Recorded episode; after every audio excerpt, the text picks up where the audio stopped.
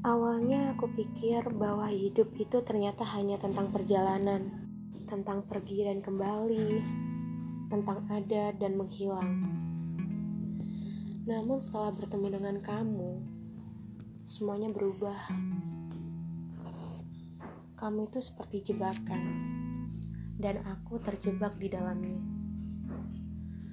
Berkali-kali aku mencoba, namun tetap aja aku gak bisa menemukan jalan keluarnya. Menyebalkan.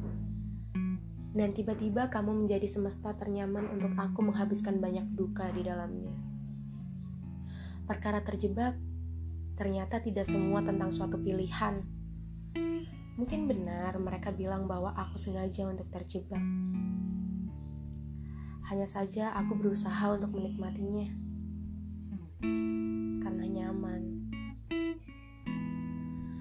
Hari demi hari berlalu, bulan dan tahun terlewati. Aku pikir selama ini kamu adalah rumah. Namun ternyata kamu tidak lebih dari aku sewa.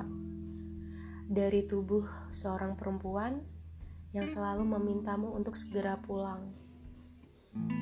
Mungkin selama ini aku bisa menerima dan diam. Namun ternyata aku salah. Ada banyak sekali yang harus diselamatkan, dan aku lebih memilih untuk menyelamatkan diriku sendiri. Kenapa? Karena kita sama-sama tahu bahwa ini semua sia-sia, tidak ada ujung dan tujuannya. Lalu, kenapa harus kita paksa untuk menjadi rumah ternyaman untuk bersama? Terjebak dalam rasamu mengajarkanku bahwa perjalanan bukan hanya tentang pergi membawa apa dan pulang sisa apa. Lebih dari itu, perjalanan itu tentang mengorbankan bekal untuk sesuatu yang lebih penting dari bahagia kita sendiri. Tentang mengorbankan banyak kesempatan untuk yang kita butuhkan. Walau kita sama-sama tahu bahwa konsekuensi dari ini adalah kita tidak akan mungkin sampai tujuan. Rumah akan selalu menjadi rumah, sejauh apa pun kita pergi dan sesempurna apa pun orang yang akan kita temui nanti. Rumah tidak akan pernah berubah.